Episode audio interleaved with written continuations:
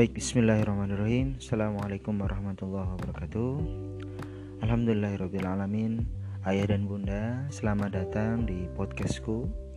Nah, Perkenalkan bagi teman-teman yang baru masuk di channel ini Aku Arif B. Nah, B ini sebenarnya kepanjangan dari Budianto Arif Budianto. Tapi teman-teman sering plesetin jadi Arif bijaksana bijaksini bukan salah mereka sih karena emang sejak kuliah aku sadar ternyata aku memang bijak bijak makan enak, bijak buka lapak, bijak bayar pajak, dan juga bijak bikin anak. Nah, kali ini podcastku tentang strategi menabung. Jadi teman-teman bicara soal uang, menabung ya, uang itu licin, makanya sering dipakai buat pelicin segala urusan. Uang itu ringan, makanya begitu mudah berpindah tangan. Soal berpindah tangan ini ya, dulu waktu kecil aku pernah bikin eksperimen. Jadi aku nulis status di uang jajanku. Uang ini milik Arif ya, kelas 4B SD DYI Surakarta. Bila Anda menemukan, tolong kembalikan. Awas kalau enggak. Balik enggak kira-kira? Ya enggak lah kan gitu ya, enggak mungkin balik. Jadi uang itu tidak setia teman-teman. Sekali dia pergi sulit untuk kembali, oke? Okay? ya jadi hari ini aku mau bicara karena memang uang itu kan ya kayak gitulah ya. Uang itu licin dan tidak setia maka perlu ada strategi buat nabung. Kenapa harus nabung? Itu agar uang kita ya bisa ada saat kita membutuhkannya. Dan uang itu bisa berguna saat kita menginginkannya. Ya karena emang kita nggak cuma ada kebutuhan ya.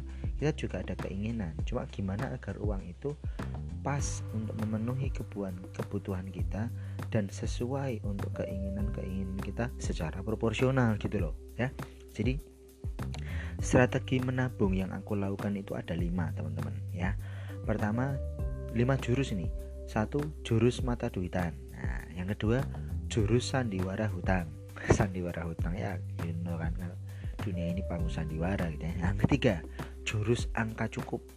Yang keempat jurus nabung dinar wah kebayang mesti ini mau disuruh nabung dinar bukan ya bisa sih ada kayak gitu ya tapi ada trik-triknya begitu ya yang kelima jurus sedekah ya yang dua awal tadi ya jurus mata duitan sama jurus sandiwara hutang itu strategi masa lalu kalau tiga yang terakhir ini strategi saat ini jurus angka cukup, nabung dinar dan sedekah. Oke, langsung aja yo. Yang pertama jurus mata duitan. Nah, pernah nggak dengar-dengar teman-teman dengar kayak gini? Kalau lihat uang matanya langsung hijau. Nah, pernah dengar kayak gitu? Nah, intinya jurus mata duitan itu nabungnya adalah berapapun dan kapan pun begitu lihat angka 20.000 kertas yang warna hijau maka langsung ambil masukin toples gitu. Ini metode anchoring teman-teman. Ancor. Anchor apa anchor ya? Nah itu penanda di otak kita. Ya, anchor itu penanda di otak kita. Kita sedang mendidik dan membiasakan body mind soul kita body body apa? Body ya body mind and soul untuk saving uang 20.000 begitu otak kita itu mata kita melihat ada angka 20.000 warna hijau wah langsung kita ambil masukin stoples gitu efektif nggak? Ya aku akui strategi ini sangat efektif buat nabung jangka pendek. Sebab gini dengan kita anchor otak kita ya kita bisa memaksa diri kita buat nabung. Yang kedua membiasakan untuk nabung. Minimal itu. Memaksa Allah memaksakan gitu kan. Nabung membiasakan kita untuk menabung. Terus kenapa kok Mas Arief nggak lanjut? Nah ini. Karena strategi ini tuh nggak bisa buat jangka panjang guys. Saat perlu banget angka 20.000 itu juga pasti lepas. Kan licin tadi ya kan? Nggak setia. Jadi anchornya itu kurang kuat. Pas kita afirmasi nih simpan uang 20.000 riv uang yang warna hijau akan menyelamatkan bumi dan kehidupanmu. Lihat senyumnya Cut Nakdin bagikan senyum Mona Lisa dan seterusnya. Wah itu begitu kita butuh ya uangnya. Di saat yang sama kita butuh uang 20.000 ya yang misalnya gini uang 20 ribu itu harusnya kan kumpulin nanti ditukar sama uang 50 ribu 100 ribu. Tapi selalu saja ya ada aja uang 20 ribu yang nggak sengaja kebelanjakan. Nah ternyata nggak sengaja ini keterusan kan? akhirnya nggak efektif anchoringnya itu buat jangka panjang. Terus gimana? Buat jangka panjang aku pakai jurus yang kedua jurus sandiwara hutang. Wah sandiwara hutang itu kayak gini. Bagaimanapun ya hutang itu pada dasarnya sangat membantu kita menyelesaikan masalah finansial secara instan. Ingat ya instan. Jadi kalau mie instan itu minyak sedikit dan buat dimakan segera atau jangka pendek jadi kalau terpaksa kita hutang atau dalam bisnis apoteku aku hutang barang dagangan ke supplier, maka prinsipnya seperti mie instan. Hutangnya harus seminimal mungkin dan harus segera dibayar. Nah, itu kalau aku belajar waktu di bisnis apoteku itu kayak gitu. Kita beli ke supplier, kita sedikit-sedikitnya. Jangan sampai kita hutang terlalu banyak, barang nggak butuh nanti malah cetok eh, nggak bisa bayar tagihan kan gitu. Jadi harus seminimal mungkin dan harus segera dibayar. Jadi kita punya nilai lebih di mata supplier. Nah, sekarang aku jelasin nih keunggulan strategi sandiwara utang ini. Strategi ini efektif banget buat kalian yang beli barang kebutuhan yang sedikit dan jangka pendek ya. Alat-alat rumah tangga misalnya. Akang-akang dari Tasikmalaya ini jagonya Para but, para but, para budapur, para butan, para budapur. Suatu bapak ibu akang teteh dikreditkan para botna. Nah, cocok banget itu. Efektif banget. Beli motor atau mobil bisa juga pakai cara ini. Bisa pakai anu beli alat fitness atau Brompton ya, sepedaan. Bisa juga pakai cara ini. Relatif pendek cicilannya kan? Bisa. Beberapa kenalanku ya punya aneka barang kebutuhan rumah tangga ya pakai strategi ini. Kesimpulannya strategi ini efektif buat memiliki barang-barang yang sifatnya short term liability atau hutang jangka pendek. Ada nggak kelemahannya? Ada. Kelemahannya ternyata kalau kita uh, sadar bahwa ada kebutuhan-kebutuhan hidup yang bersifat long term liability seperti properti, ada juga kebutuhan hidup yang bersifat aset yaitu sesuatu yang nggak bisa dinikmati saat ini. Contoh, biaya pendidikan anak-anak, ya biaya pendidikan anak kan nanti tuh belum bisa dinikmati sekarang. Jaminan kematian, jaminan kesehatan dan seterusnya. Nah, untuk aset yang seperti ini ya teman-teman, pilihannya waktu pilihannya waktu itu ya hanya nabung lewat asuransi. Jadi asuransi itu ya kita nabung sekarang ada proteksi dan investasi untuk masa depan kan gitu. Jadi waktu aku kerja di Veron tuh di pabrik ya di Veron Pharmaceutical ini cocok buat pekerja kantoran yang udah fix gajinya ya. Udah tetap gajinya tiap bulan memang segitu.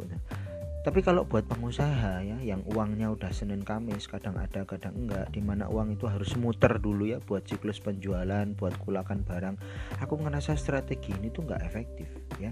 Lagi pula aku kurang serak saat ada benefit ya benefit yang aku terima secara khusus ketika aku simpan atau meminjamkan uang ke perusahaan asuransi. Sekali lagi ini pilihan masing-masing ya. Tapi kalau aku punya prinsip kalau kita minjemin atau nitipin uang ke orang lain entah itu pinjaman ke teman atau setoran ke bank atau bayar polis asuransi maka seharusnya aku nggak boleh dapat benefit apa pun dari mereka. Karena itu bisa masuk kategori riba. Sedangkan riba itu ya teman-teman dosanya gede banget gila aja. Dosa riba yang paling ringan itu seperti berzina dengan ibu sendiri. Mendalik oke lah ya. Aku nggak mau dapat dosa kayak gitu.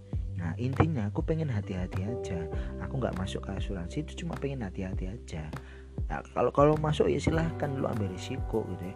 Kalau aku sih pilih hati-hati. Ada banyak pilihan itu buat investasi. Ngapain aku harus ambil risiko riba kan? Nah, yang enjoy aja kan gitu. Nah, jadi kalau buat short term liability, sesuatu yang kita nikmati sekarang, bayar sampai masa yang akan datang, strategi ini cocok. Contoh tadi, beli perbekalan rumah tangga, hutang jangka pendek bisa. Tapi kalau buat sesuatu yang sifatnya aset, di mana kamu itu harus apa harus kita bayar sekarang dan nanti dinikmati anak cucu kita kelak seperti pendidikan anak, santunan kematian buat kelangsungan hidup keluarga, kesehatan di masa tua dan seterusnya. Ini nggak cocok ya. Kalian tadi ingat ya, kalian mungkin akan bertanya tadi oh, anu Mas Arif bilang kalau properti bisa tadi gimana? Nah, kalau hutangnya buat properti gimana nih? Kan itu aset juga. Nah, gini gini gini bener sih kalau kita beli properti itu aset bener tapi lebih tepatnya itu long term liability ya hutang jangka panjang. Dia akan tetap jadi hutang buat kita menggerus keuangan harian kita sampai lunas terbayar baru jadi aset. Jadi itu properti itu belum jadi aset kalau masih kredit bos. Jadi kalau masih kredit yang namanya long term liability ya kalau udah terlunas baru jadi aset ya. Kalau kamu hutang buat beli properti rumah atau tanah atau ruko atau beli bandara atau pelabuhan sekalian itu namanya long term liability. Yang kelak bisa jadi aset kalau sudah lunas.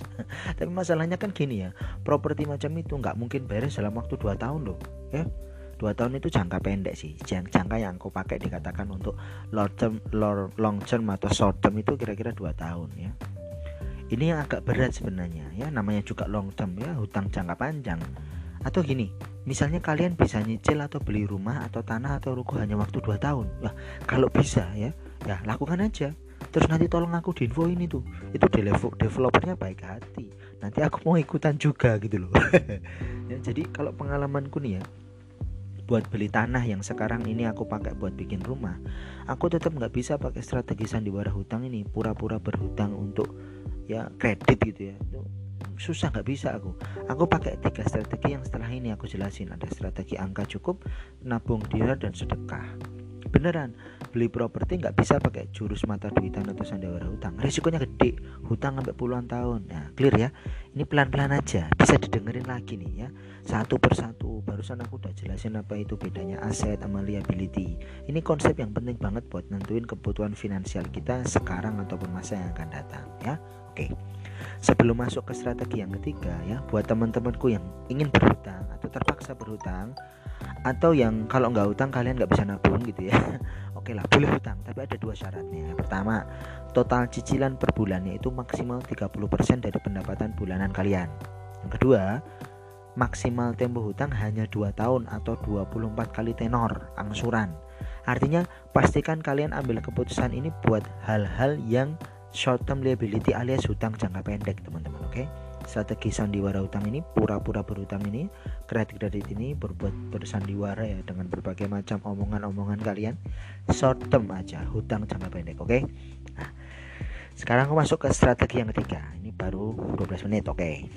strategi yang ketiga adalah strategi angka cukup Inti dari strategi ini adalah pada kemampuan dan kemauan kita buat bedain mana wants dan mana needs, mana kebutuhan dan mana keinginan. Misalnya ini ya, gajimu 1,8 juta per bulan atau suami istri sekeluarga dapat 3,5 juta misalnya. Nah, langkah pertama, kamu buat wishlist, daftar keinginan kita apa tuh? Ya, keinginan kita. Ha? Keinginan kita, tulis wishlist ya, daftar keinginan. Lalu obrolin sama keluarga suami istri gitu ya. Mana nih yang benar-benar kebutuhan atau needs? Dan mana yang sebenarnya hanya wants hanya keinginan bukan benar-benar kebutuhan ya. Habis bikin itu kan kita diskusi mana needs yang benar-benar kebutuhan mana yang cuma ya pengen lah. Kalau nggak punya nggak apa-apa gitu ya. Atau nggak punya sekarang nggak apa-apa gitu. Lalu buat langkah kedua nih buat prioritas ya Pertama, prioritas penyelesaian kebutuhan. Kebutuhan mana yang harus selesaikan dulu? Nih, misalnya ada lima, misalnya gitu ya. Makan, rumah, transportasi, sekolah anak-anak, angsuran kesehatan dan seterusnya. Oke. Itu prioritas penyelesaian anu needs ya, basic needs. Yang kedua, tempo atau jeda waktu untuk pemenuhan keinginan. Nah, jadi loh, keinginan itu bukan untuk dihindari, ditolak atau di apa istilahnya dinista enggak dinistakan ya apa di, ditolak ya ditiadakan enggak tapi beri jarak waktu ya jeda atau tempo ya beri tempo. Beri tempo kapan keinginan itu akan dipenuhi. Tentunya setelah basic needs atau kebutuhan dasar terpenuhi kan jadi cintai diri dan keluarga kita. Nggak apa-apa anak kita pengen sepeda ya kita tulis dulu tapi ini belum jadi kebutuhan sekarang ya. Beri tempo ya rayakan kemenangan dengan hal-hal yang manusiawi. Dorongan keinginan itu kan manusiawi ya nggak boleh ditolak atau diingkari tapi dikelola dan diarahkan serta diberi kesempatan dengan jangka waktu atau kondisi tertentu. Jadi gini sisihkan nggak harus dibuang disisihkan once penuhi dulu basic needs. Tadi ada prioritas budget kebutuhan kita ya ngobrol sama keluarga makan kebutuhan rumah tangga ya sabun macam-macam gitu. Sekolah anak-anak atau buku atau misalnya aparatus belajar kalau kalian pakai home education. Transportasi rekreasi infak anggaran tak terduga misalnya itu ya. Kalian boleh tulis sekarang boleh boleh. Sekalian tulisnya makan kebutuhan rumah tangga sekolah anak-anak atau buku. Transportasi rekreasi infak anggaran tak terduga nah, intinya pastikan ya basic needs itu untuk mencapai empat inti kebahagiaan seperti hadis Nabi Muhammad SAW yang diriwayatkan oleh Ibnu Hibban ya. Empat struktur kebahagiaan. Ada empat ya. Satu istri soleha ya. Keluarga ini menandakan sebuah keluarga. Keluarga yang baik istri soleha anak-anak soleh soleha kan gitu. Yang kedua rumah yang lapang. Nah yang ketiga kendaraan yang nyaman. Empat tetangga yang baik. Nah ya istri soleha atau keluarga soleh soleha. Rumah yang lapang kendaraan yang nyaman tetangga yang baik. Implementasinya begini teman-teman istri soleha, anak-anak soleh soleha, keluarga sehat semua itu soleha soleh soleha. Intinya itu kan sehat dan cantik dan ganteng dan seterusnya gitu loh. Nah, sehat itu, bagus itu, cantik itu, cakep dan sebagainya itu dimulai dari makanan yang sehat ya makanan yang sehat kan gak harus mahal ya. Nasi sayur masak sendiri. Lauknya divariasi 4T tahu tempe telur tongkol. Tahu tempe telur tongkol dan seterusnya. Ah, kira-kira 50 ribu itu. Anak-anak nggak boleh jajan. Aku jelasin ke anak-anak ya. Harus hidup prihatin sederhana. Ayo nonton YouTube ya bikin jajanan sendiri okonomiyaki, takoyaki, tteokbokki, mie ramen, cireng, bola keju, leker, spaghetti, pancake, pisang leleh, bomboloni, roti sobek, brownies, donat, cheesecake, sempol, pizza, bakso bakar, somai, batagor, pisang goreng, buah sebagainya. Banyak banget tuh, variatif banget, yakin. Nah, Alhamdulillah rata-rata sekitar 50 ribu lah ya lebih sedikit enggak kira-kira per hari itu 50 ribu cukup buat berlima gitu aku istri tiga orang anak satu setengah juta per bulan. Hemat hemat. Kontrakan petakan rumah misal kalau di Banyumas satu saudaraku di Rajek di Tangerang misalnya 600 ribu per bulan ya. Petakan. Atau buat cicilan ya misalnya 800 ribu atau berapa. Ada sih Banyumas di Rajek juga ada 800 ribu per bulan. Nah terus sekolah aku putuskan pakai home education berbasis fitrah. Ya beli buku ada banyak aktivitas. Ada yang 0 rupiah ada yang 100 ribu. Maksimal kemarin sampai 500 ribu per bulan. Untuk tiga orang anak sekaligus. Murah murah banget. Kalau sekolah di SD negeri ya gratis ya kan itu. Sering juga untuk buat jalan-jalan ya mengenal alam sekitar belajar dari masyarakat sekitar kan gitu ya transport transport 300 ribu per bulan cukup ya cukup cukupin kalau nggak cukup ya jalan kaki terus infak 50 ribu per bulan BPJS kesehatan 150 ribu buat berlima ya, anggaran tak terduga 400 ribu total tuh satu setengah juta 600 500 300 50 150 400 pas tiga setengah juta bisa nabung nggak? Ya belum. Wong itu kan baru basic need. Belum nabung ini baru pemenuhan basic needs atau kebutuhan dasar. Nah barulah kita putar otak untuk bisa dapat uang lebih banyak. Nah boom. Nah kalian mungkin tanya, lo sama aja nggak ada uangnya. Bukan begitu strategi ini bekerja. Gini loh. Strategi angka cukup ini bekerja saat bisnisku bertumbuh. Ya, aku bisnis apotek bertumbuh aku nggak pernah merubah gaya hidup dan konsumsiku ya tetap segitu tetap hidup sederhana tetap nggak jajan gitu loh bolehlah dibilang tetap miskin nggak apa-apa tetapi meskipun miskin aku akhirnya bisa punya 13 dinar buat beli petak tanah di desa sebelah. Sekarang udah jadi rumah buat kami tempati. Mobil yang nggak ada tapi udah ada di wishlist ya, ada di daftar keinginan. Guruku itu Adrian Nuruswi baru punya mobil di usia 42 tahun. Kalau aku ya insya Allah tahun depan udah ada kan gitu. Aku bilang ke anak-anak meski kita kehujanan di jalan tapi alhamdulillah udah punya rumah yang nyaman. Nggak apa-apa kehujanan hujan itu rahmat Allah. Kita nggak akan sakit. Alhamdulillah anak-anakku jarang sakit gitu. Itu strategi angka cukup itu gitu. Cukupkah kami di angka tiga setengah juta. Hasil kerja kami berdua gitu kan. Ya Bismillah kalau ada rezeki yang lain kami sadar, tambahan penghasilan itu bukan untuk menaikkan angka cukup kami, tapi untuk strategi menabung yang keempat gitu loh, nabung dinar atau emas logam mulia, atau ke orang tua atau ke mana gitu. Ya, jadi itu sedekah yang uh, jurus kelima. Aku lanjutin dikit ya. Tadi kan ada apa sih? Tadi keluarga dan istri solehan gitu ya, udah ya. Terus rumah yang lapang, udah ya kalau kontrak ya ya aku tuh kontrak di satu petak petak ukuran 4 kali 4 itu ya emang namanya prihatin kan gitu ya. Terus uh, apa sebelum punya rumah. Terus kendaraan yang nyaman. Ya memang belum ada kan. Sementara bisa naik on demand transport go car grab cab grab, grab car gitu kan. Tapi itu kan sangat jarang. Kami sekeluarga lebih suka di rumah atau memenuhi kebutuhan dengan apa-apa yang ada di sekitar rumah. Ini disebut prinsip homestead for sustainable living. Asik loh homestead ini jadi tren sekarang di negara maju setelah masa urban farming berlalu ini sekarang ada homestead for sustainable living emang sih kalau homestead di luar negeri itu tanahnya banyak kalau kami enggak ya baru sedikit lah cuma 80 meter persegi Oke, okay. terus tetangga yang baik gimana nih ya? Kami ternak kelinci juga ikan, bisa untuk bahan belajar anak-anak deh, home education. Sembelih berbagi dengan tetangga. Intinya kan gini, kalau kita pengen punya tetangga yang baik dalam rangka basic need kebahagiaan kita ya, ya kita wajib baik juga sama tetangga. Gini loh kalau kita pengen punya tetangga yang baik ya sebenarnya kita itu jadi tetangga yang baik buat orang lain gitu loh ya kan? Nah itu. Itu strategi yang ketiga angka cukup ya. Yang keempat oke sekarang strategi nabung dinar ya, nabung dinar. Aku sempat singgung nih di strategi kedua tadi ya soal membayar long term liability atau membeli aset. Pakai strategi nabung dinar Strategi ini awalnya dapat insight waktu baca Quran surat Al-Baqarah ayat 240. Allah SWT berfirman, Bismillahirrahmanirrahim walladzina yutawaffawna minkum wa yatadharuna azwaja wasiyatul la azwajihim uh, mata'an ilal hauli ghaira ikhraj in kharajna fala junaha alaikum fima fa'alna fi anfusihinna min mim ma'ruf wallahu azizun hakim Artinya, dan orang-orang yang akan mati di antara kamu dan meninggalkan istri-istrimu, hendaklah membuat wasiat untuk istri-istrinya, yaitu nafkah sampai setahun tanpa mengeluarkannya dari rumah. Tapi jika mereka keluar sendiri, maka tidak dosa tidak ada dosa bagimu mengenai apa yang mereka lakukan terhadap diri mereka sendiri dalam hal-hal yang baik.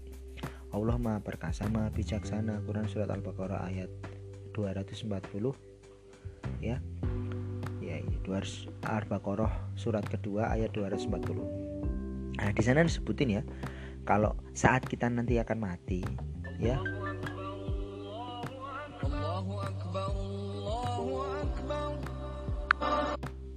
Oke, uh, tadi ya disebutkan di Quran surat Al-Baqarah ayat 240 disebutkan saat kita akan mati, which is kita semua bakal mati dong.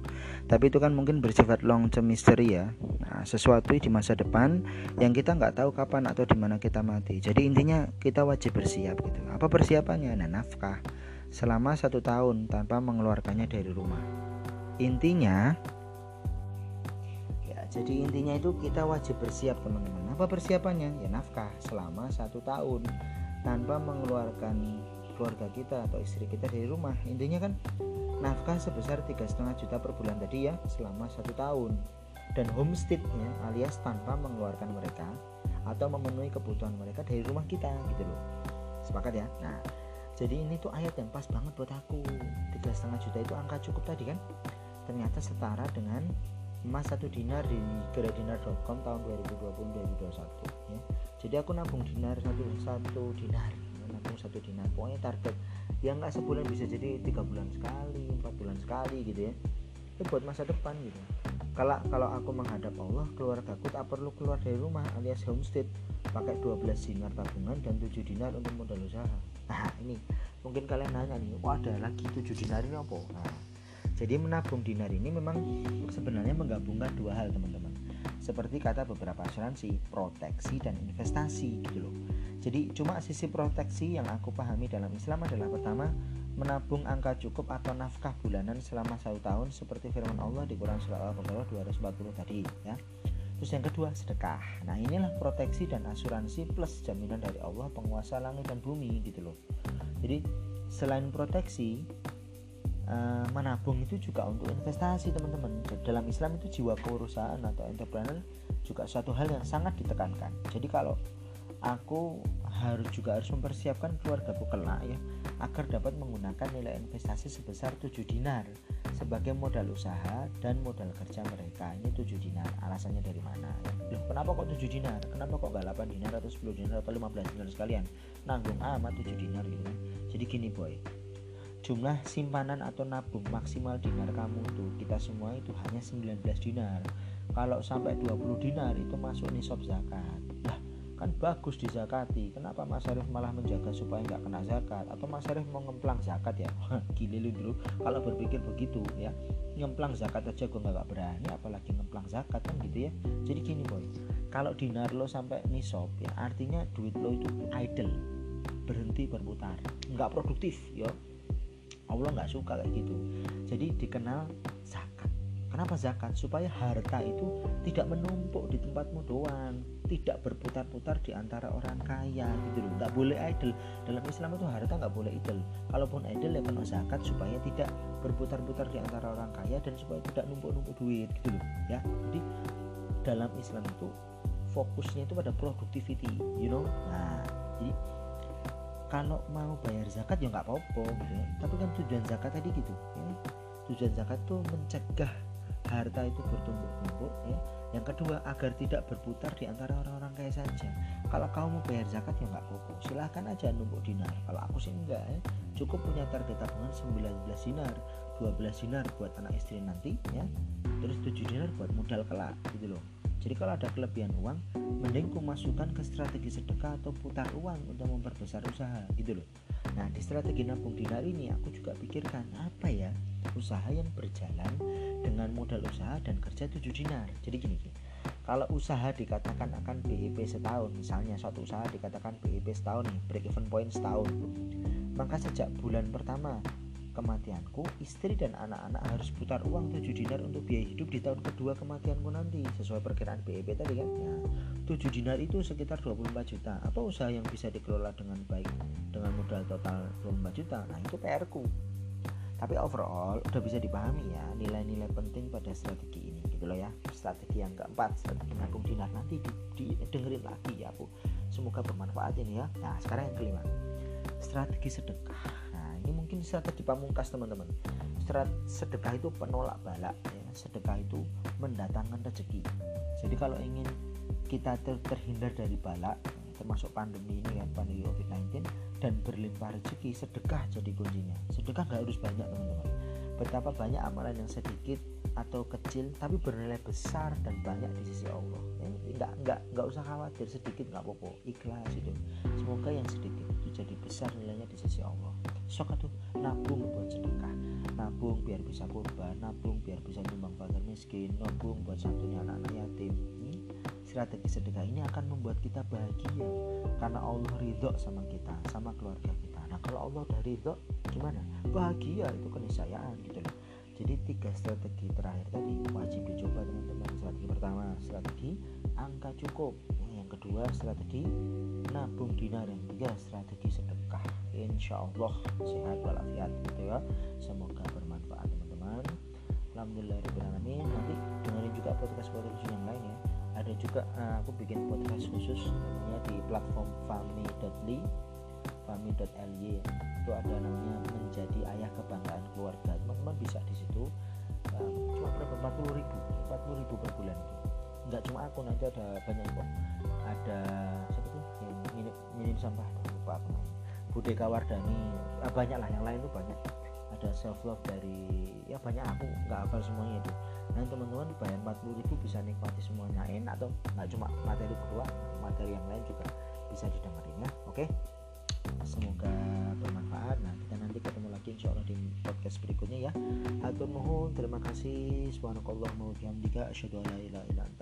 wa atubu assalamualaikum warahmatullahi wabarakatuh